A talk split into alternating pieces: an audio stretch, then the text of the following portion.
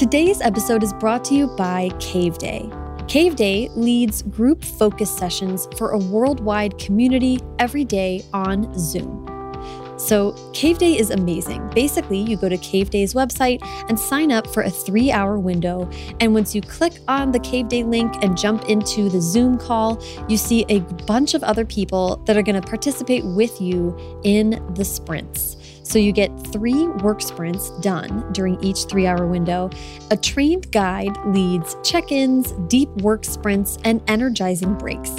You, as the participant, don't know how long the sprints are going to be because the goal is to kind of get your mind off the clock and into flow.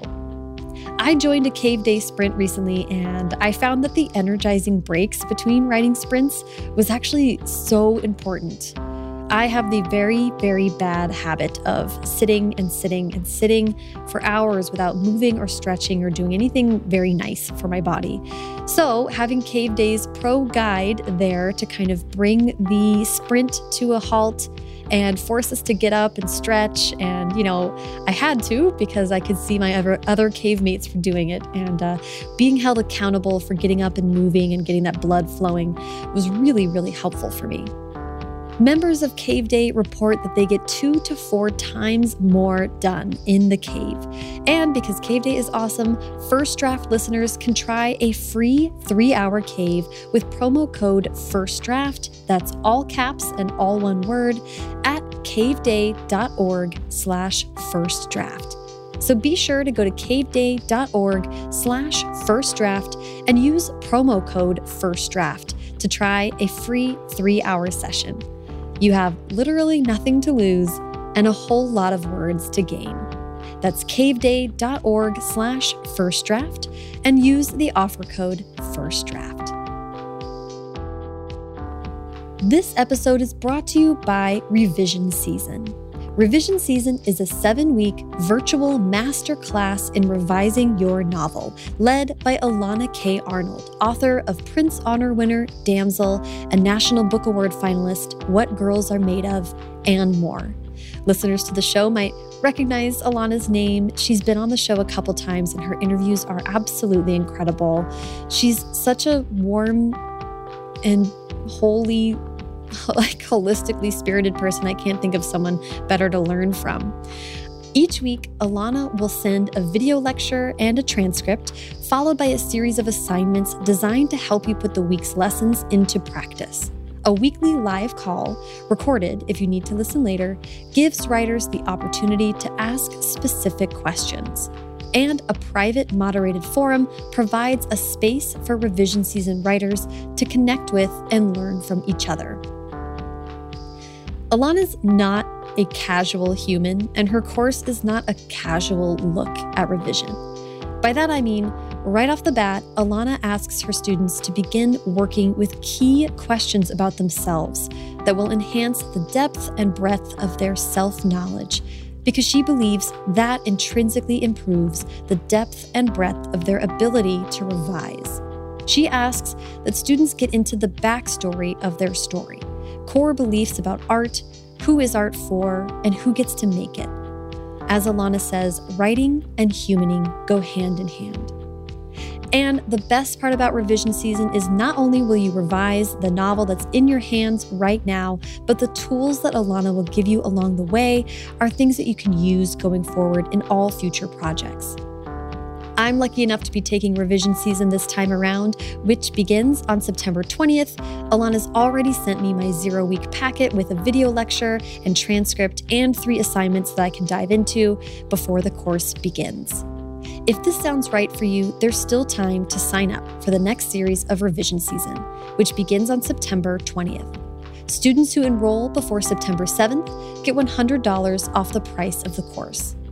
Learn more about Elana, revision season, and sign up for the course at elanakarnold.com. Welcome to First Draft with me, Sarah Enni. This week I'm talking to Katharine McGee, the New York Times bestselling author of the Thousandth Floor series, as well as American Royals and its sequel, Majesty. I loved what Katharine had to say about America's castle envy, writing her first trilogy while going to Stanford for business school, naturally gravitating towards big stories, and why you should watch out for chapters 7 through 9. So please sit back, relax, and enjoy the conversation. Okay, hi, Katharine. How are you? I'm so great. Thank you so much for having me. Oh, I'm so excited that you could stop by while you're in town. I'm so excited to talk about your books and your process. So let's dive in. As you know, I love to start the podcast at the very beginning. So I'd love to hear where you were born and raised. I'm from Houston, Texas, which is where I currently live. Yay. And lived there till I was 18. And I was always a reader. I was one of those children who tried to read even before I actually knew how to read. So I used to memorize books and then tell people, like my grandparents, that I was reading a picture book to them, but I would obviously get it all out of order. Oh my gosh. And, or like make up the story. Like I'd get to a certain page and then I would just make up a story based on what the picture was. Mm-hmm. So yeah, I've I've always been a reader. So you were always a reader. When did creative writing or creative expression factor into your young life? I started writing as so many authors did, fan fiction for other people's work when I was very young. Oh my gosh. What was your what was so your many things. Um, I had two ways of doing fan fiction. They were either corrections of endings that I didn't like. Uh-huh. Clearly, I love happy endings and, and clean resolutions. If you've read my books, you know that. And so there were a lot of series, including His Dark Materials. I rewrote the ending of that to get Will and Lyra back together because obviously, which is part of why I'm so scared to read The Secret Commonwealth. I have not read it yet I haven't either. because I kind of imagined that my ending was the real one, even though it's obviously not. I've lived with it for so long. you were living peaceably with your own head headcanon. Yes, exactly. My headcanon's a great place to be. Anyone who wants to join me in my ah. world, feel free. And so I so I'm scared to read the new one where hmm. she's an adult and not with Will because that's what I always imagined. And I often tried to write spin-offs or new books in series that I loved, but I could never get past the end of act 1 because when you're starting to write, that's all the easy part, the setup and launching your characters on a journey, but then I could never actually take them on a journey. So the hmm. really amusing thing to me is did you ever read the Redwall books? so long ago, but yes. I was obsessed with them. Mm-hmm. And they all had the same formula where it was characters receive some kind of prophecy or journey instructions and then launch off on this quest. And they always take the form of a poem. And Brian Jacques wrote all those different poems. I wrote probably 20 different beginnings of Redwall novels with poems that went nowhere. So I clearly just loved writing the poem. I've looked back on them and I think, where was I taking this? I don't think I knew at all. They were just poems like Follow the Star, Toward the North Sea. I love that. And then they just ended, they had a few chapters of setup and a poem. And then I stopped because I didn't know where the story was going. And then I started over it with a new journey and a new poem. so I clearly didn't finish any of my fan fiction, but I, I had the urge to start writing stories, even if I didn't actually know how to complete them. Act two is still the hardest part. Even now that I've written four books, I think, or really five, if you count the one that hasn't come out yet. Yes. They're, they, the act one and act three are so easy. And then it's all the middle chunk that is impossible to figure out. And that's why people who are writing their first draft and say that they're having problems and then they fall off. Of course they do, Yeah. because Act Two is impossible, and so if you can just push through that, Yeah. tell people, then you can finally, then you get to Act Three, and then it's easy again, and then you have, then you have a lot of revisions ahead. Um, but I'd love to hear how did going into school and post grad and that part of your life, how was creative writing involved? I stopped writing creatively probably after I was twelve or so. really? And I think school really took over at that point, and, and I was still writing all the time. It goes back to your earlier point about whether you're, you can be a writer but not be telling stories. Mm-hmm. And when you're in school, English classes are mostly focused on the craft and structure of writing, and Yeah. of course the the five paragraph essay that we all learned for the SAT and the AP exams. Yeah. Which still comes in handy. That, that Which structure. is oh yeah, you still need that sometimes. Yeah. And I you learn a lot in those classes about how to write on a paragraph by paragraph and sentence by sentence level and how to craft an argument and that still Mm-hmm. Yeah. definitely comes into play but no I was not writing creatively that whole time although it's funny I always thought that I wanted to be either an author or somehow have a job with books so Mm. actually at a young age somebody told me that being an editor was a job where you read books all day So when I was very young, people when I people asked me, "What do you want to be when you grow up?" I always said I want to be a writer, and then I heard about this job, editor, and I didn't understand anything about it except Mm-hmm. that you read books all the time, and I was like, "Oh, I want that job." Oh my God. So I was the weird like six year old where people would everyone else says I want to be a ballerina, I want to be a firefighter, I want to be an astronaut, and I said I want to be an editor because I want to read books all day. that sounds like the best job ever, I love that. and it never really left me. I read that your college thesis was about castle envy. It has a section on Castle Envy, yeah, and it, it's very fun to look back on because I have always been fascinated by royalty. Yeah. And that comes from the fact that I love history, but I particularly love historical fiction. So I never actually really enjoyed history class that much. Some, some a little bit. I would much rather be, have been in English class. But uh, This isn't quite swashbuckling enough for me. yeah, I like where are all the stories? I liked history class more when you were younger. This is something that I think about a lot, especially now that I'm writing American Royals. Is history is taught to you as a series of stories. Mm-hmm. That's why it's fun. I don't know if you ever dressed up in elementary school for we had a, something we called Wax Museum Day Whoa, that's and so cool. you dressed up as a historical character and we were probably in fourth grade and we thought we were really old and all the second graders would come through and you'd be frozen in your wax museum position and then you had a little speech that you gave sort of like something out of disneyland like you love that. unfroze and gave your speech and then you refroze and the next group came on oh, that's so cool. and so, how we learn history at a young age Mm-hmm. is about characters and stories. Mm-hmm. And you remember things like Henry VIII and his six wives. Everyone knows that. Or Yeah. you remember, you know, Charles I being executed. Or you remember like Louis XIV building Versailles. You remember all of these stories about specific people.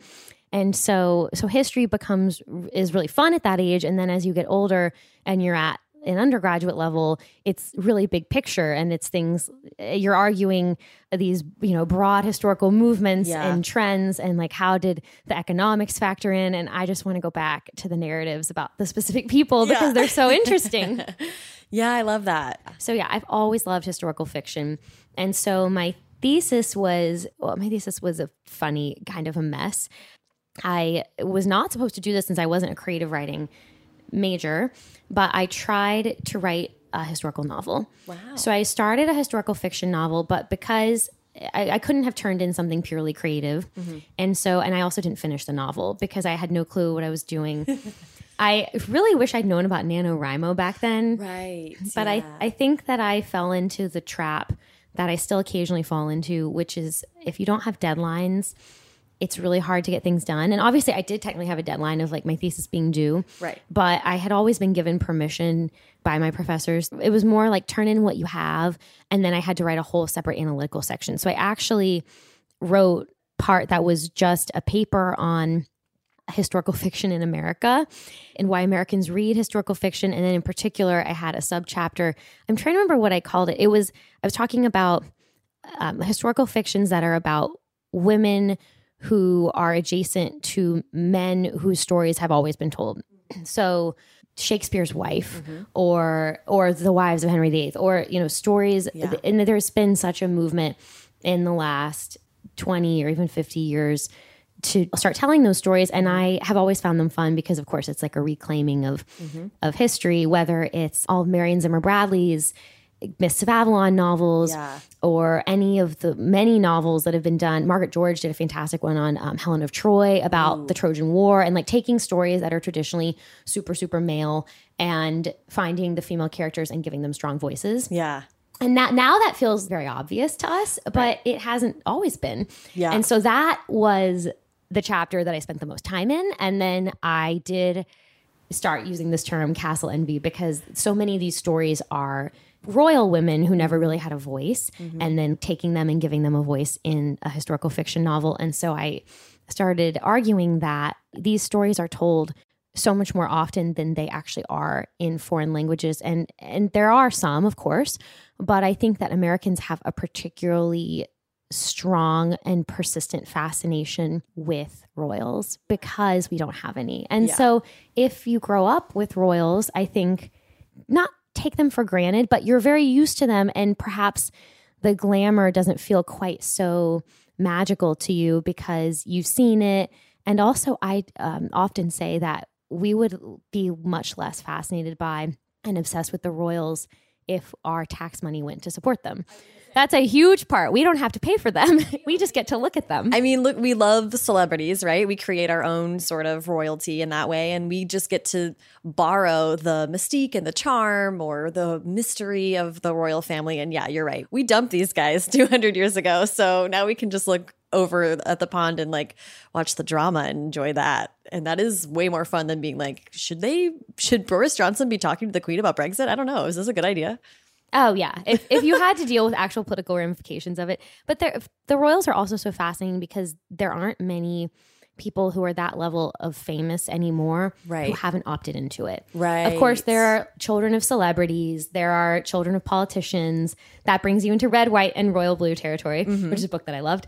But for the most part, if you're famous in America, you chose to be famous. Right, You are right. someone who set out to go on The Bachelor or be a movie star, and you knew exactly what you were getting into. Yeah. You're often famous for your passion as well, which is so different than being born into a world of what's expected of you. Yeah, and just being famous for, exactly for your last name and for the family you were born into, Right. Which is something you can't control. So Yeah. I find that particularly fascinating because there are very few individuals left in the world whose identity is truly defined by who they are and the family they were born into. Whereas I think, obviously, it's it's a good thing that the world has become such that everyone gets to decide who they are and what they want to be and what role they want to fill in the world. Except if you're royal, you really your options are very limited, and no one sits around feeling sorry for them because they have great lives. Right. But still, they are some of the last people who really their fate is decided for them before they're born. Right. I would love for you to kind of lead me to I'm actually not 100% sure how it times out with being an editor and also getting your MBA. People don't usually ask me about the MBA, so let's let's dive in. I want to know.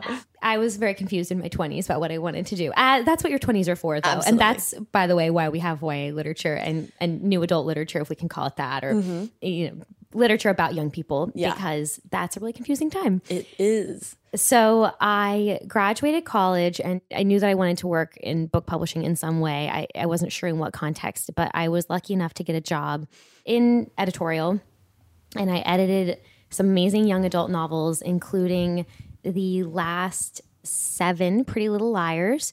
So I took Pretty Little Liars from book, I think it, I'd have to check, but I'm pretty sure I went from book nine through 16 Wow. Wow. which yeah. was amazing. Sara Shepard is so fast. Also, if you think about that, that like in four years, I helped her do seven books. That's shocking. Yeah. I mean, that's very impressive. yeah, she's amazing. And worked actually on Kass Morgan's The Hundred. I know she was on recently. She she's was such a delight. So amazing. and Laura Avery was an author of mm-hmm. mine. So I I worked with some amazing authors, and I was lucky to work on many books that had TV components. And so I, again, always felt like I wanted to write at some future date, but I wasn't really doing anything actively in that moment to try to write until in 2012, I started working on the idea that would become American Royals. It was an experiment for me. I had not written fiction really ever, unless you count that brief historical fiction that I wrote in my thesis, which like I said, it's it's really not good. So I always joke that someday I'm going to go back and finish it, but really it would just be rewriting it. Like I don't know what's salvageable in there. Right. Right. That- you know that's what first attempts at fiction are for. Totally. Like you just get something out of your system and then you put it in a drawer and lock it away. Yep. Yes. Mine is very locked, very heavily Very guarded. locked. Very, it does not need to see the light of day. And I started writing American Royals, but it was a different concept. The world idea was there, but I w- was watching House of Cards at the time. Oh yeah. And I was very heavily influenced by that and felt like it needed to be dark and political and thrillery. And so I wrote a version that was more like that. It had assassinations, somebody was killing off royals. Who was it? The king had a secret love child who like came into play. I actually only had two chapters. Um, I had Daphne and I had Samantha.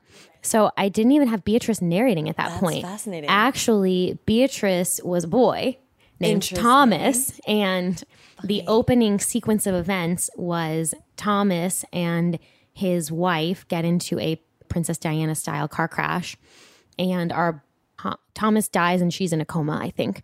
And so Samantha now is the heir to the throne. Oh, interesting. Which, by the way, is pretty much the opening sequence of events of the Royals TV show, which I didn't know because it hadn't come out at the time. So clearly, when you're talking about royals, it's always fun to elevate the spare to the heir. That's Yeah. Like a, there's a reason that that's a storyline that we love to revisit. For sure. And I wrote it and gave it to my then boss, and he thought it was interesting, but thought that the royal moment had come and gone. Kate and Will had gotten married in 2011. And he said, if you'd come to me with this idea four years ago, we could have done a book around the royal wedding. The royals are over. People in America aren't interested in them anymore. But I'm so glad to know that you want to write because if you're interested in writing, you should continue and we should find something that you should work on. So I, I, I did still want to write, but separately, I was feeling like I wanted a change of pace from my job. I had been there for four years. I really enjoyed it and I felt like I had learned a lot, but I was at the point where I wasn't learning actively anymore. I was just executing on what I already knew how to do. And I also, it's a really fun group and they're so supportive, but it's a small group and there was not a lot of upward mobility. The people at the top are not leaving. Yes. Publishing is Publishing is hard to get promoted in. yeah, they're because they're great jobs, so no one leaves. So They're great you know. jobs, and there's so many people who want them. Yeah. There's so many wonderful bookish people who want to work with books, and it's a small industry, and everyone knows each other. So, like any lost soul, I decided to take a standardized test. Actually, I had already taken the LSAT, so really, Okay. I'm a very lost soul. I had taken the LSAT and decided not to go to law school, but then I took the GMAT, and then just I decided to put in an application and see if I got in. I ended up getting into school at Stanford. And at that point, I felt like I should just go and see what happened. And I was obviously very lucky to get to go. I at the time I didn't have a very concrete idea of what I wanted, but I thought that I might start a company that like a packaging company that mm. worked with authors to help their ideas become books Yeah. and TV and came up with ideas in house or I thought that I would go work in entertainment somewhere on the business side, whether that was at a studio. There was so much, and there still is so, so much happening. But especially this was in 2014, right when, Yeah, you were right. That was well timed by you. oh, yeah. I mean, going on people were just starting to do original content. Netflix was still new ish. Yeah. Amazon had just announced that they were doing original content. So I thought, okay, there are all these places that are looking for storytellers and are looking for ideas, and they're going to need somebody who has some business experience to run this because the truth about entertainment is that all the people at the top for the most part um, do have business degrees. Yeah. whether it's an mba or just they studied business in undergrad Yeah. there it's very very rare. And there are definitely exceptions but it's very rare to see people at the very top who came up through the creative path. For the most part the creative people can only climb so high and then everything is run by someone who has a business mind. And if you watch any tv shows or read books about the industry and especially about hollywood like if, did you ever watch entourage Um, no, I didn't. But there's, there's a running joke on Entourage where the creative people are complaining about the suits, and they're like, the suits don't understand us because they're just all they're looking at is graphs and numbers, and like we have the brilliant ideas and they don't get it. And so I just sort of thought, you know, at, in my 20s and not really knowing anything, I thought, okay, well, I'm gonna go and I'm gonna like be a but be a cool one, and I'm gonna be the one who knows like what the actual good ideas are, and Right. I'm gonna I'm gonna be the bridge between the business and the creatives. And then I also started writing.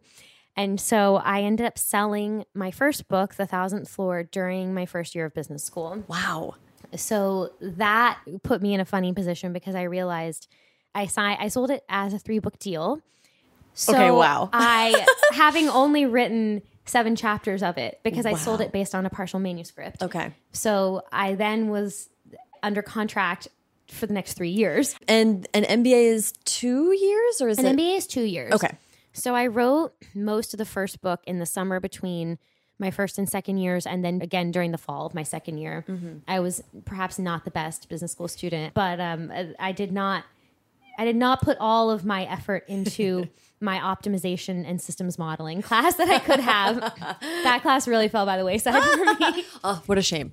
I know. Oh, if only I could do pivot tables in Excel, my life would be complete. Um, okay, there's so much here that I want to get into. I want to come back at the end and explicitly talk about how or if anything that you learned in your MBA, you're kind of applying to your life now as a professional who does run Yes, her own sure. business. Oh my gosh, I can't believe you wrote uh, those books while you were going to business school by day. Those are also like long, intricate books. I look back and I don't know how I did it because I think I'm a lot slower now. I think my books have gotten better, and I think that's pretty common, right? Every author thinks, okay, I'm that's the hope. That's the hope. the more that you learn, the better you get, and you learn from your own mistakes, and you also, if nothing else, understand the process and your own process much better, which is all very important. But yeah, at the time, I did have plenty of days where I was in class, you know, from 8 a.m. to 2 p.m. and then I came home and wrote till 10 p.m. Wow. and and wrote on the weekends a lot mm-hmm. and wrote on airplanes back and forth. I was dating my now husband who at the time lived in New York, so there were a lot of six hour cross country flights. Those could be very useful. and Yeah. those ended up sometimes being useful. Yeah, no Wi-Fi. Really, Yeah. really getting back to the roots. You know, I'm not writing out in the park with a notebook, but like the next very closest thing. close, very close. You've mentioned that you are like like deadlines are useful to you. Deadlines are useful because you have you have to turn something in. Right. If my editor listened to this, she would laugh and roll her eyes because I haven't hit a deadline in uh, at least two years. I used to be so much better about it. I used to kill myself to hit deadlines because I I never can finish by the time. I just I'm always being unrealistic. I'm overpromising. But in the early days uh, for the first two books, I pulled my fair share of all nighters where I would just say, okay, I have to get it to her by, you know, 10 a.m. Mm-hmm. New York time. Yeah. God help me. I'm going to do it. I'm going to stay up all night. I'm going to drink coffee. I'm going to have the like 3 a.m. snack. Have you pulled an all nighter in a while? You know what I'm talking about. You get hungry again after mm-hmm, dinner. You mm-hmm. have your like hummus and carrots at 3 a.m. and you keep working. And now I've just realized that, first of all, I don't do any good work at, at that. And it's not surgery. Nobody is going to die Right. if we are late for a day. And there are obviously repercussions for the book if you're late. If it's a few days late, it never really seems to hurt anything. If it's severely late, there are definitely consequences, uh, especially on the publisher side. If they miss mail outs that get to stores, either they just leave your book off the mail out or they send out a separate mail out that costs more. And then, like, your book is more expensive because they had to like send it out separately and had go through all these different logistics. So there it's never good to miss your deadlines, but also I've just I'm at a point where I don't think that pulling an all-nighter and writing some bad chapters that I'm going to have to rewrite is worth it. How I refer to what you're discussing is time optimist. I'm a time optimist, which is uh, sounds great, and in practice, it means I overpromise and underdeliver, and set myself up for disappointment and stress myself out. So I'm really working hard to be a, a time realist. it's like my prog- my hope and dream in 2020 is to be better about that. Because I've recently came to totally the same thing, which is for me, I actually ended up saying like 7:30 p.m. That is literally the cutoff. Anything I do past that time, I work twice as hard to do half as well. That just is me. yes. I can't tell you how many times I've written past 7:30 and then the next morning I look at it and I go, "Well, this is all garbage." It sucks. So glad I stayed up till 10 p.m. writing this. Delete, delete, delete, delete. and it's just like you're like struggling, you know, like blinking at the screen when you're like, was I asleep just now? Or like, you know, Yes. it's not a good. It's so much better. I love that rule. And I, I've been also trying to enforce it. And most of the time I can, but sometimes the fear sets in and the fear is very real. And the fear is useful because without the fear, you never finish. But with the fear, you can get to this crippling place where you won't leave your computer, but nothing good is happening. And there are definitely nights where at, you hit that 7:30 point and it's so much more productive to go watch two episodes of a good TV show or read a book that you love or go out to dinner with friends and have a glass of wine and not think about writing Yep. just to take yourself away from it and come back. And I always I love my breaks between drafts because I used to think that I would keep editing while my editors were reading because I would think there's so much I have to do. So I'm going to send it in to them, but like I'm going to continue working on my end because I need to fix this chapter and this chapter. And now I just put it all on a list and I think, okay, when I get to my next draft, I will do that. In the meantime, I'm going to take my week to just not think about this book. Yeah. Just And it always ends up benefiting the project Yeah. to take yourself away and come back. And you have to like you do have to kind of enforce it. That's what I learned this year is I had the opportunity to take a lot of time off for, you know, I was lucky enough to go travel for a while and I was like, you know, I'm going to make a deal with myself. I'm really shutting that off. I'm really taking a step away. But I came back two months later and was like raring to go, so excited. I had fully switched that lever. And then, you know, restarting was like, oh, I'm all fresh.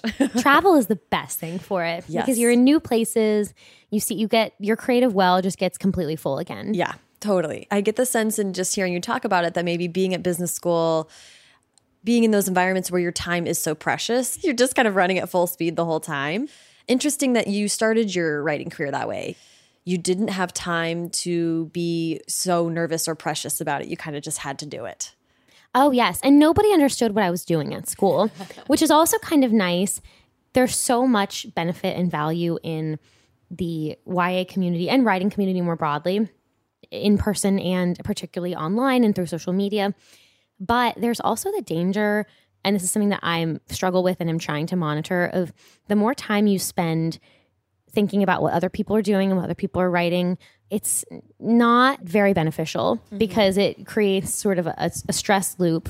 And obviously, it's so much fun to read other people's work, especially people who you love and that you know personally. That's it's been such a new thing for me to read people's books and actually know them as a person. Yeah. Uh, that's So amazing. You must you're there with the podcast. You've probably been like that for years. It's but fun. it's it's so fun because it's you appreciate it on a different level. But it's also can get really stressful. And there was something really nice about being in a community and living on campus in a dorm with a bunch of people who had no clue what I was working on. They knew that I was had in my own creative project, but there were plenty of people at business school who had their own projects that were starting their own company or just investing on the side in their stock portfolio or whatever it was. And so no one no one really questioned it and no one also had anything creative going on. So I was in a completely different atmosphere. Anytime I went out and talked to people, it was about not the book. Yeah. It was about, you know, let's go plan an adventure this weekend to go uh, hike Yosemite because we've never done that or or did you take notes in this class? And Yeah. it was all other things. There was something really beneficial about having this protected creative space. There was nothing else in my life going on that had any creative pressure at all. It was just completely the far opposite end of the spectrum. And so, I, yeah, I hadn't really thought about that before, but that probably did help. Yeah, and now I'm trying to be purposeful in cultivating those spaces. For me, it's been comedy or things like that where it's still creative, so it's pretty adjacent. But for the next two hours, nobody's going to ask me about my book, and I don't have to talk about it or think about it. I always felt this way on book tour when I traveled with other authors because people probably imagine that you go on book tour and you sit around after the event and you talk about your characters and your chapter building and it, that is the last thing anybody wants to talk about. You finish the book event and then I was on tour with Kendare Blake for the last uh, 3 years. Oh my god, 2 or 3. I don't think she and I have ever talked about our books except when we're on a panel together because the second you finish it, please let's talk about something else. Yeah. like what TV shows have you watched lately? yeah, yeah, You know, exactly. Anything else? Exactly. Oh my gosh, that's so funny. Okay, I have a couple questions about the Thousandth Floor series. So if you don't mind, before we get too much more into it, do you mind uh, pitching that series for us? Yes. The Thousandth Floor is a futuristic love story set in New York 100 years from now when Manhattan has become one massive thousand story skyscraper. And the book, book one opens in the prologue with an unnamed girl falling off the roof to her death. And as the reader, you don't know who she is or why she's falling off, if she jumped off or if she was pushed or if it was an accident. And then the book backtracks three months and you meet five characters and you follow all their stories as they become more and more intertwined. And then at the end, somebody ends up on, well, they all end up on the roof and then somebody dies. So it is really fun. That l- final sequence of chapters, probably the last 10 chapters of the book, where you see each character going up to the roof for different reasons, is still might be my favorite sequence of chapters I've ever written because uh, when you're reading it, you kind of think it could be her, it could be her, it could be her, and you don't know which one it is until, of course, one person does die. Yeah, very cinematic. Yeah, I love that. That's like, in my mind, the favorite part of the movie, right? Where you're like, oh my God, what's going to happen? You've talked in a few places about the Thousandth Floor series being Gossip Girl meets a few things, but I like the Gossip Girl meets the Jetsons. I'm so glad that's my favorite too. Yeah, because the Jetsons as a particular vision of the future or of technology. Do you mind kind of explaining that comparison? Yes. So after I wrote my failed attempt at American Royals that I already talked about, I then was looking for a new concept. And I actually don't read a ton of sci-fi. I read a, a decent amount of fantasy, but have only ever dabbled in sci-fi. So it probably wasn't the most natural place for me to go. And yet I wanted to do something that was a response to all the dystopian fiction that was coming out at that point. Mm-hmm. This was in like 2014 ish. 2013, 2014. Okay. I love The Hunger Games, love Divergent. Those are all fun stories, but they are a very specific type of story about a broken world where the universe has fallen apart. Uh, People are treating each other terribly. Children are fighting to the death in arenas.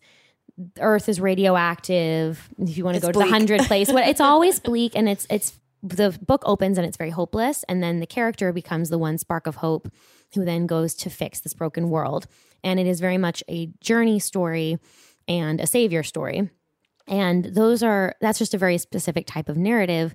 I obviously love stories that are a little bit more character driven and less world driven Yeah. which probably surprises some people to hear me say because my worlds are very specific.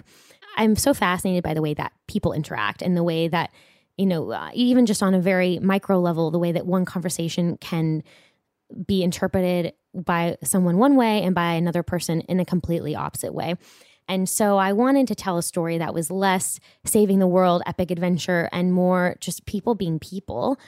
But then I wanted to show a world that was not so bleak. And it's funny that I started working on this in 2014 before any of the recent events that have happened. But it, the the more time goes on, the more I think we need this type of story. I, I did think it was very troubling that we had no books for young people that showed a hopeful future. The the more that you read these books where the earth has fallen apart, it almost starts to feel like it actually is going to fall apart, like it's a little bit inevitable. Well, I was going to say, or that it's an inevitable conclusion, which is the problematic part, right? Yes. Oh, exactly. So I wanted to say, I'm going to show you what happens instead of if we all get everything wrong. I'm going to show you what happens if we get everything right. And if actually, I do genuinely believe that most people are good. I hope that most people believe that. and that most people try to leave the world a better place than they found it. And if those people outnumber and outweigh the people who don't feel that way, the world should logically get incrementally better with each generation. So what could the world look like if we generally are improving? And and what is a future that's eh, sort of black mirror but hopeful? What is the the fun technology version of all that? So they're really the only comparison is the jetsons. Right. because it's fun and lighthearted and optimistic and you see technology not in a scary threatening way but actually in a way that is genuinely helping and improving the lives of the people who are using it. So that was always my goal was to write you know a fun glittering high-tech future without killer robots without clones without anything that feels dark or scary but just fun contact lenses that my characters use to instant message each other and they ride hoverboards and there, there's a quite a bit of Scott Westerfeld's Ugly series in here as well. Yeah. But wi- again, without the ominous overlord, like there, there's Yeah. no big bad. It's just people living in New York in the future, and the evil comes from people being mean to each other, which is which is how people interact on a day to day basis. Right, right. It's so interesting too to be in this the moment that we're in where I think there's a lot of discovery going on about how though technology advances, humans stay the same. Like we are just built to be humans and we haven't changed in a hundred years as much as computers have and we have to sort of We haven't like changed since the dawn of time. Yeah, we're like stories are all the same it's all coming of age stories and and relationships among people Yeah. whether that's first love first love gone bad if you want to go a romeo and juliet direction you know mm-hmm. friendship stories family stories and no matter where you set them whether you're setting them in a shakespearean setting or an ancient sumerian clay tablet or you know b- books that came out 50 years ago or books that came out yesterday they're still the same stories and we're just dressing them in different ways Yeah, which is comforting, honestly. I do want to ask a little bit about it is sort of a big world with, I mean, quote unquote, small stories. It's like hu a human centered story. It just happens to take place in a in a different, very unique and interesting kind of setting, which is very cool. And to me, it felt like uh, the the of course it's Gossip Girl meets the Jetsons, right? So I'd just love to hear about how or or if you were taking inspiration from the books that you helped edit, which do have the drama, the interpersonal kind of tensions, and it seems like you're kind of pulling from a lot of that same background. I love stories with big casts of characters, and I always have. Even in historical fiction or fantasy, I'm a huge nerd. I love when, first of all, I love a big fat book. Yeah. I'm not scared of page count. Yeah. So my editors are always trying to cut me down, and I'm going, but like I would read a 700 page book. So I Yeah. don't see what the problem is. Yeah. But I love books that have any kind of cast of characters at the front, um, a, a map, a family tree, anything that promises this is a big, rich world and there's a lot of people in it. Yeah. Obviously, I do read a ton of single POV books and love those as well. But I just naturally gravitate towards big stories because I think I've always been fascinated by the interplay among people and stories on an epic scale and how is what one person does having some kind of domino effect that affects a person three degrees of separation away mm-hmm. and they may not have even ever met. And yet you when you're watching it or reading it you can see the direct line of cause and effect. So Yeah. that's always so fun to me so the books that i edited a lot of them had these multi pov larger cast of character aspects um, certainly gossip girl even though i didn't work on those books that except for the very very last one they do have that set up. And Pretty Little Liars in particular is very much known for that because it has the four liars. Yeah. And then the mysterious A harassing them. And each of the girls is in each book on her own story. And yet the stories all intersect and then always come together in some dramatic way at the end. And this, it's not uncommon in book publishing, but it's also definitely not as common as single POV. And I always mm-hmm. find that interesting. People tend to call out that my book is multi POV, Yeah. and if people when people are reviewing it, they'll often say, just as a word of warning, if you don't like multi POV stories, this may not be for you because it is less common. Mm-hmm. But to me, it's interesting because that's how TV is is always told. And which is how TV often differentiates from feature films. Yeah. Because movies usually, not always, but usually tend to fall. If you're Harry Potter is a Right. classic example, is Harry's story. It's Harry's story from start to finish. In the later books, you sometimes get like an ominous prologue from someone else's point of view. Yeah, I love that she was brave enough to start in a different place, but it always snaps back to. And even though Harry Potter has a huge cast, you're very close third with Harry in his. You're very close third with Harry, and the movies stayed very true to that. So it's very rare that Harry's off screen in the movies and you're seeing other characters who are not Harry doing things. Whereas there are very few TV shows that are structured that way. For the most part, any drama or comedy, you're following a cast of characters and the story and the and all the tension and drama and romance of the story comes from the fact that you follow all these characters and that you as the reader or viewer know everything. So you know you know that when two characters kiss and the third character is off screen and you know that she likes somebody one of these kissing people like you know that there's a love triangle there but you don't have to actually see all three of them on screen to know that so in that sense i think absolutely having edited these books that had multi pov and seeing how these authors structured the books Yeah. and and wove all these characters together was really helpful to me. It certainly gave me the confidence to try to do it. I think that's a huge part of writing is just being brave enough to do it. Yeah. Which sounds so obvious, but it's really hard.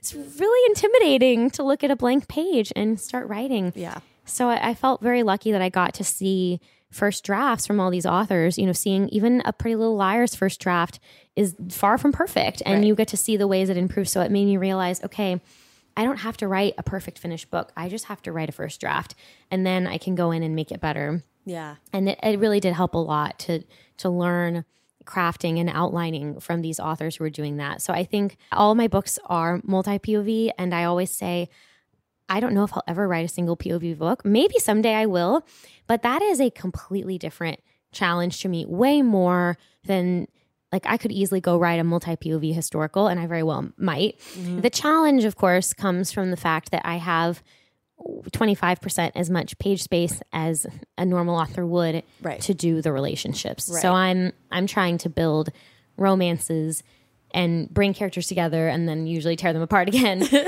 in this then one quarter of what a normal book would be.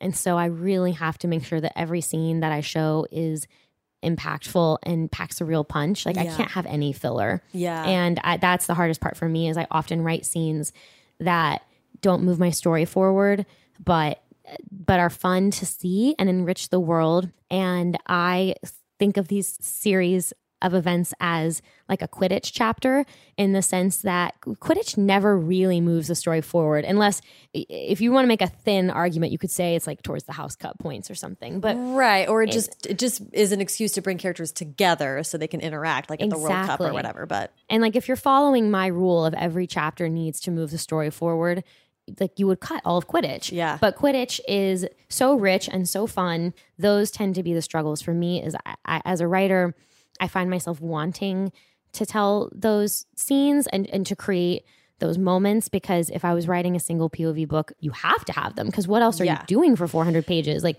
you need you need a chapter here and there that's the character internalizing what's happened settling into the world, yeah. having some conversations with people, and maybe the story doesn't like rapidly accelerate forward. Mm-hmm. But I, I just can't afford those because I'm basically writing four books at the same time and then like weaving them all into one normal size book. Let's jump to American Royals and Majesty. But I'd love to have you bring me from finishing the first trilogy, wrapping up MBA. Where did you go from there and how did you kind of shift into life of a professional author? It's funny, I, I can't remember specific moments of value change, which is probably a good thing. I feel like that's how writing is, is that you look back on it and it's all a blur. Having not had a child yet, but people say that childbirth is like that. Like, yeah. it's traumatic and then it happens and then you have forgotten all the trauma and all you remember are the good things. Yeah. Yeah. So I did work on the Thousandth Floor series while I was still in school. And then I, the first book came out after I had already graduated. Okay. And then by that point, I had graduated and my husband and I were married. And so we ended up moving back to Houston, where I'm from. And I now live about 20 minutes from my parents, which is Aww. the right distance, I that, think. Yes, that's great. Just far enough that they don't totally swing by unannounced, but occasionally yep. do. and so it, it was really nice to settle into just sort of writing full time and, and realizing this was all that I had to do and really start to build writing as a business, as we were talking about. I work from home. I have a home office. So I have a first floor bedroom that I basically use as my office. So it's so nice and I'm I have a whiteboard on my wall and really just I don't do well in loud crowded spaces for whatever reason. I've never been like that when I was in college. I was always the library worker. I was never the person who could like sit in the middle of the crowded loud student center and do work. It's mm-hmm. just not how my brain functions. Mm-hmm. I especially think because when you're writing dialogue, you really need silence to write dialogue, or at least I do. So if you hear other people talking around you, somehow all those snatches of words seem to bombard my brain and I just can't think of the words I'm trying to say because I'm hearing everybody else's words, which yeah. is it's not like I'm actively trying to eavesdrop, but somehow the words are just they seem like they're just coming at me. So I re- yeah. I do really need the silence so I, I now work from home and it it's been really good. I feel like I definitely settled into writing more and and tried to get a pattern. It's never perfect. Yeah.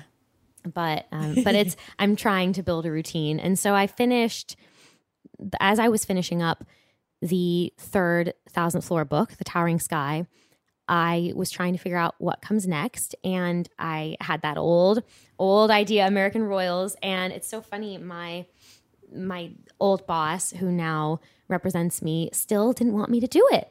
He wow. was so not into it. He kept saying, I just don't think this idea really makes sense to me. I like don't get the what if of it. I don't think people care about the royals that much, but if you really want to do it, go for it. And so I pulled it back out and tried to think about, you know, what were the parts of it that were working. And now that I knew myself and had written three books, what is my voice mm. and what are the stories that I love to tell, which yeah. is always a story about young people who are coming into their own, mm-hmm. young people realizing what they want from life, who they are, and and who the world expects them to be, mm. and then how their real self comes into conflict with that. And of course, there's nowhere to more starkly show that than a young woman who's going to be queen. So, in many ways, I mean, I love the Thousandth Floor trilogy, and it was so much fun, and I had the best time writing it. But because I'm way more of a historical fiction royalty reader than I have ever been a sci fi reader. In many ways, this feels more natural to me.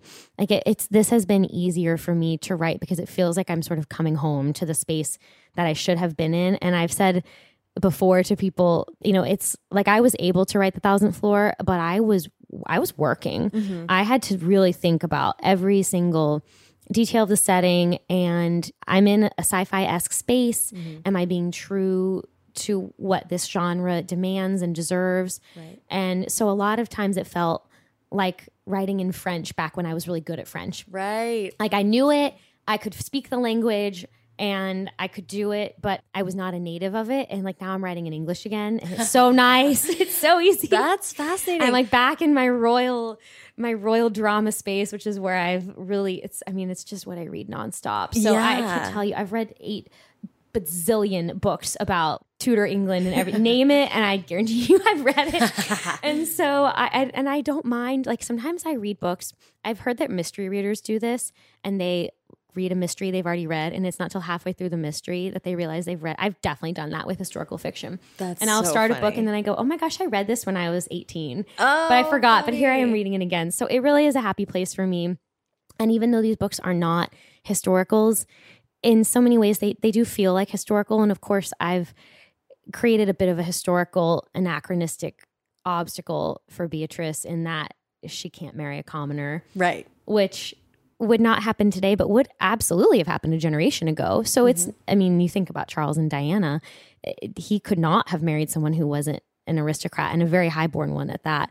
So it's, it's off base, but it's like it's not totally off base. Yeah, it's also like there's the suspension of disbelief when you're talking about, first of all, because this is speculative anyway, but also like when people are fans of this kind of fiction and like women's romance and stuff like that, right? You're just like, I know the world I'm stepping into is a place where we're just going to set up obstacles because they're fun. because they're fun. Yeah. We need obstacles. Yeah. If they all got their happy ending in chapter one, there would be no book. Yes. So. Yes. And I think uh, teen dramas do that all the time too, right? It's just like no one needs to be head cheerleader, but like, sure, that's like, let's make that the oh, biggest. I mean, you got to be head cheerleader. Why bother if you're not going to be head?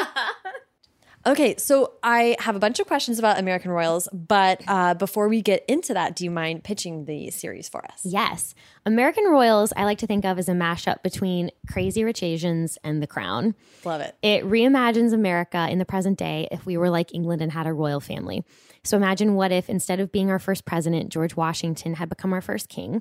And then fast forward to modern times, and the Washingtons are still our royal family. And the book follows the two princesses of America, one of whom is the future queen and the Prince of America, and all of their romances and adventures and all of the pressure that comes with knowing that someday you will inherit a throne. Yeah. Hearing you talk about shifting from a sci fi inspired world to back to speculative but really historical fiction feeling story was so interesting to me because you still have to do an incredible amount of world building. You did set yourself up with a pretty big challenge. So, how did you approach reimagining our current state? I don't know if this happens to you because I know your book has great world building, oh, obviously, but it's probably, you may not get this note, but every single book that I've ever turned in, every edit letter that I get always has a note asking for more world building. Really? So, every book in the Thousand Floor trilogy, every draft, I would turn it in, and my editors, somewhere in the note, they'd be like,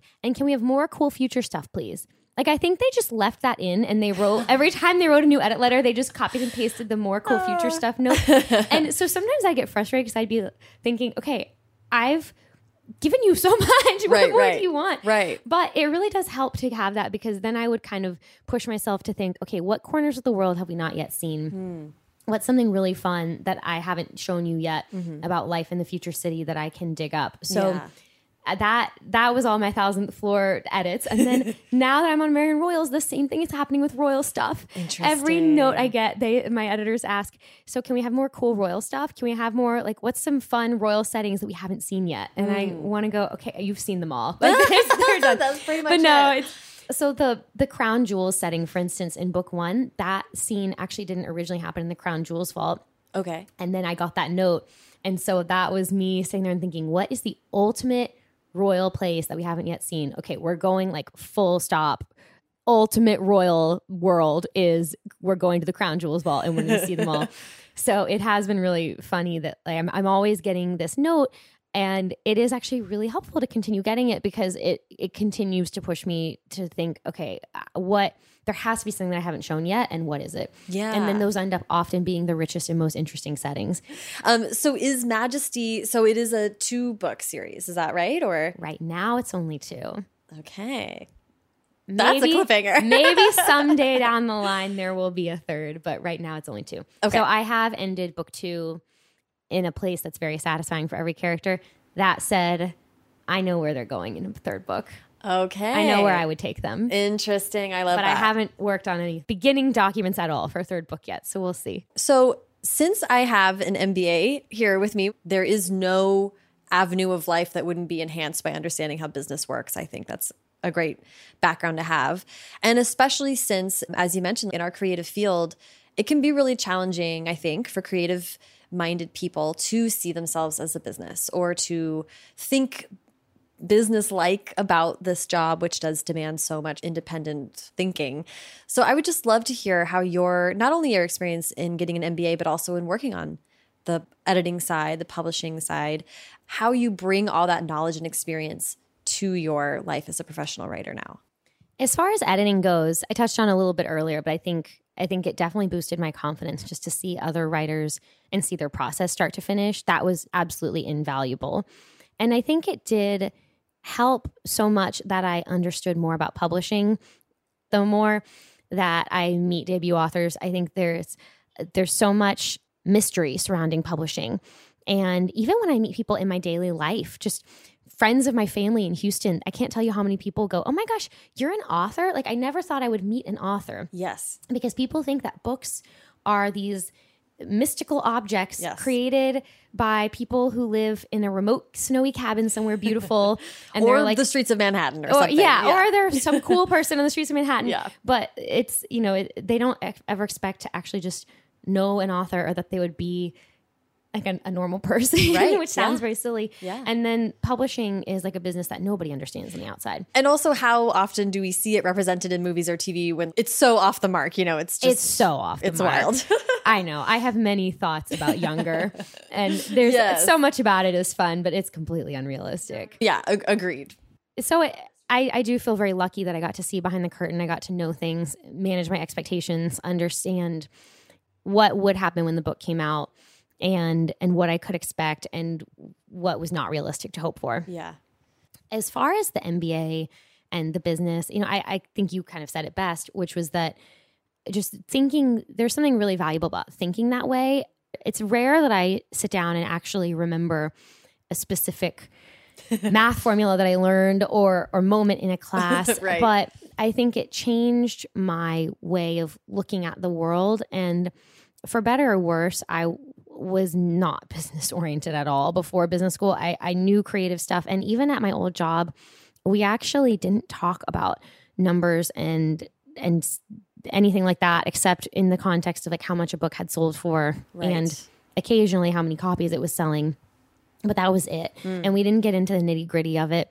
And it has helped a lot for me to think about everything. Even my contribution as the creative person is a small part of how the book comes to exist and comes to be in the hand of a reader. Right. Because there are so many people along the way who are packaging it and printing it and distributing it and storing it and dealing with the inventory and mm-hmm. there you know even the small things about when you go to a Barnes and Noble and they don't have it and you get upset you know there's could be a million reasons for that and it's just helps me to kind of think about the broader picture and how the industry works as a whole and and what my small role in it is Right. and it definitely also gave me a lot of confidence, which i guess is the same answer that I gave for the editorial one. But I, I think that any exposure that you can get to a different way of thinking, or especially a business mindset, is really important as a creative person because I do think that it, it, creative people tend to undervalue their own worth. And 100%. the people who work in book publishing are for the most part really really great people. I've never met a mean person in book publishing. They just don't they don't go to book publishing. They go somewhere else. They go to some evil hallmark movie land where they're like closing christmas stores but everyone in book publishing is good and they all want authors to succeed and they all are trying their best. But it's a tough business to be in and so it very frequently i think authors are afraid to to ask for more money, Right. to make demands of their marketing team. And so I, I hope that having thought about these things in a very analytical way at school has has both enabled me to ask for more, but to also know like when I can't get more. And and to know when I should be doing something. And so particularly with the marketing for American Royals, because of the type of book it is, and you know, because it's so fun and and hopefully upbeat and a little bit escapist, which we could all use right now. I think there there are so many serious books out, and I, I genuinely love all of them. But Yeah. not every you can't read 100 percent serious books. The world is a dark place, and like it's sometimes you just need to go to a, an alternate world where we've got a queen and a great tiara, Yes. and like there's some people kissing in palace hallways. it's a really great place to escape to. and Random House, who publishes it, have been amazing at trying to market it in some like very creative and different ways and that we've relied really heavily on Instagram, Mm-hmm. which a lot of people do now. But in particular, this book has a great cover. I'm Yes. so lucky. I have an amazing cover designer who did a fanta- truly fantastic job. Yeah, and the and the and for your second book, right? They look so good together. Yes, the cover of Majesty is, I mean, I almost cried when I saw it. I was like, this is beautiful. I want to re wallpaper my office with this. Yes. It's so great. Yes. so that has been something that I've been thinking about a lot is that um, how are, are there ways that we can market this book that are just outside of what publishers traditionally do and and how much can I personally get involved because I'm willing to get involved as much as they want me Right. and as much as I can so I definitely also am pretty shameless. Well, you you know that. So for anyone who's listening, I have been stalking Sarah since 2016. I emailed her when American Royals, I'm sorry, not American, when The Thousandth Floor had not even yet come That's out. right. My God. And I cold emailed you and said, Hi, I am an author and my book will be coming out in the fall and I would like to be on your podcast. and so I do think it has, being in school, I had to do so many cold outreaches like that. Yeah. And you get a lot of no's. So Yeah. you have to really be okay with people telling you no. Mm-hmm. And I think if nothing else, I have no shame, and, and for better or worse, I have no shame in emailing people and just saying, "Hi, this is me. I'm Katharine McGee, and here's my book. Would you like a copy?" Yeah. and you can say no. And if you say no, I, I'm not hurt. That's fine. Like that's Yeah. not your, it's not your thing. That's, but it has really helped because so many of so many of the amazing things that have happened publicity wise for American Royals have actually happened because I have shamelessly cold emailed people. So the book was featured in the Skimm, which mm-hmm. was so fun and so exciting. Yeah. And I've had so many authors or friends say, "That's amazing. You know, how did that happen?" That happened because I emailed the book editor at the Skimm over and over. There you go. And she didn't know who I was, but I was like, "Can I send you a book? I'd like to send you a free." And people usually don't say no to a free book, right. and sometimes it works out and sometimes it doesn't. I also stalked Reese Witherspoon really aggressively. And uh, that didn't work out for me. If anyone knows how to get in touch with Reese Witherspoon, let me know. I tried everything. but Yeah. but you know, it's you can't be upset when it doesn't work out. And people say, "Hey, Hello Sunshine doesn't want to hear from you. Right. Go away." That's fine. I'm like, I tried. Yeah. That's so. I do think that um, it has given me a thick skin, and that has helped a lot. And that also helps, of course, with you know the age old review question. So I try really hard not to see my negative reviews. Occasionally, people tag me in them on Instagram, and I do think that so many readers assume that I'm not reading my own Instagram and Yeah, I've yeah, got yeah. some kind I don't have an assistant. I don't have anybody. Yeah. Every time something is posted or commented or liked, that was me procrastinating. and so my editor is probably mad that I should I should be working. But I see those things. Yeah. And luckily, being in school and being so used to just asking for things and being told no, Right. I at the beginning of the process when I saw negative reviews, they did hurt. And now now I'm like so not affected by them. That's now I see them and somebody's like, I hate this book one star. And I'm like, oh, that's too bad. I'm like, I'm they that's just not for them. Right. No piece of entertainment content is for everyone. No. Not even Harry Potter. There's always people who are the right audience and people who are the wrong audience. And and that is honestly the job of well, libraries in particular and small bookstores. Yeah. And hopefully bookstagram is to help people find what they like because I, I certainly I don't like everything. I don't read any thrillers. Yeah. And I know that about myself. So I just don't involve myself in them at all. But I think I think that has been really helpful is that like Yeah. I hopefully have a more I hopefully have a more upbeat attitude about it all because being in school and thinking this way and being forced to interact with so many people I didn't know Yeah. has just left me with a, a very relaxed attitude about trying to engage with people and and trying to promote myself which is really uncomfortable and like that's Yeah. one of the weirdest parts of this job It's is is trying to get people to pay attention to you as a person that was so much actually great advice. Do you have anything else to give by way of advice? and the ones that the pieces of advice that i always give are ones that you've heard probably a thousand times but i can say them anyway Yeah. which is two things, which is first to any aspiring writers, I always say read a lot. Yeah. And particularly to read widely. This is something that I still struggle with because as we've clearly established on this podcast, I know what I like and it's like the secret diary of Anne Boleyn times 1000. but it's important to be reading things that are that are outside your comfort zone and in particular are voices that are very different from yours. I actually try to not read things that are too similar to what I'm writing. Yeah. Lately, I've been taking a step back from all of that royal historical fiction because I'm I don't want it to interfere with what I'm trying to say. Mm-hmm. So I've been reading all kinds of different things, a lot of nonfiction actually Yeah. and overall, I just think that the more that you read and the more different types of things you read, the richer your own voice becomes and and the more full your creative well will be. Yeah. So, you know, push yourself to read things that like you may not have been initially attracted to or may not be like, you know, your first choice. And I think that ends up paying off in surprising ways. And then, of course, the other piece of advice is to write and to actually do it and to actually write something all the way through, which is so hard to do. And eh, there are so many eh, authors I know who, and friends who are writing who stall out somewhere between chapter seven and nine. Because as we've established, the easy setup chapters are the most simple because they're clear in your head. You know who the character is and you know how to introduce them. And then taking them on the journey is so hard. And I think that what I call act two, because I kind of subscribe to this screenplay esque three act story structure, but mm-hmm. act two being the majority of the book, being the middle 70%, huge chunk, is really, really tricky and continues to be the hardest part for me.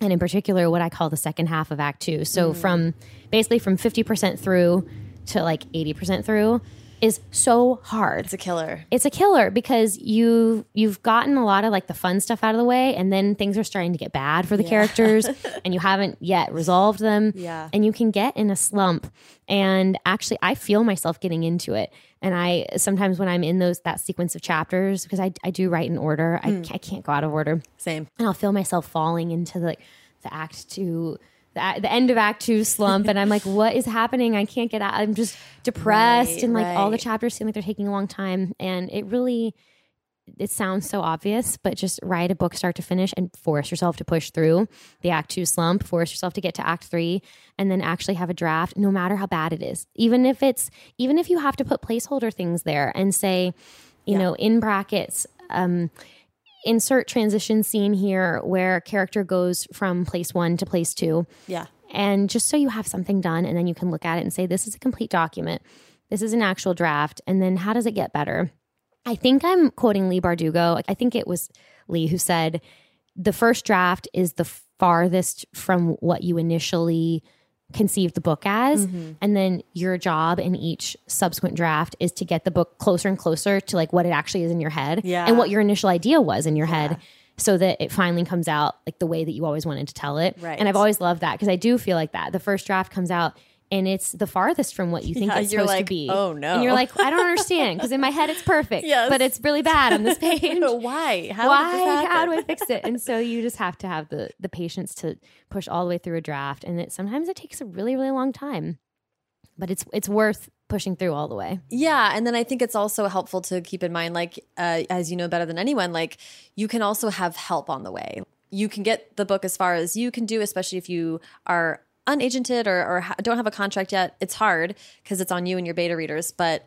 at some point you'll sell the book and an editor will help you, and Oh. that's huge. God bless all of our editors and thank them for all of their unsung heroics Yes. because these books would they would be terrible without mine would be terrible like I, it's so important to have another set of eyes on i'm glad you mentioned beta readers Yeah, i don't have any official beta readers that are other writers my mm-hmm. beta readers are my family members Oh, which is dangerous but also really good because there's no one like family to give you the really brutal feedback. if you have a really good beta reader who like doesn't mind being that way, then it's fine. But I I'm wary of giving the book to close friends because friends usually just want to tell you what you want to hear. Mm, but um, my sister will tell me, "Oh, this like this was awful, and this was awful, and why is this?" It, it's like when you go dress shopping or swimsuit shopping, you bring your family, and they're like, "You look terrible. Take that off." oh my gosh, you look like a character from Little House on the Prairie. Stop it. And you need that. You need the really tough feedback, and it can be hard to hear, but it's so valuable. Yeah, that's huge. I love that. Oh my gosh, I appreciate so much you giving me all this time. This was such a fun conversation, and uh, let's do it again sometime. Yes, I'm so glad we got to chat. Thank you so much for having me. Thank you. Thank you so much to Katharine. Follow her on Twitter and Instagram at Katharine McGee, and follow me on both at Sarah Enni and the show at First Draft Pod. For links to everything that Katharine and I talked about in this episode, please check out the show notes, which are available at firstdraftpod.com.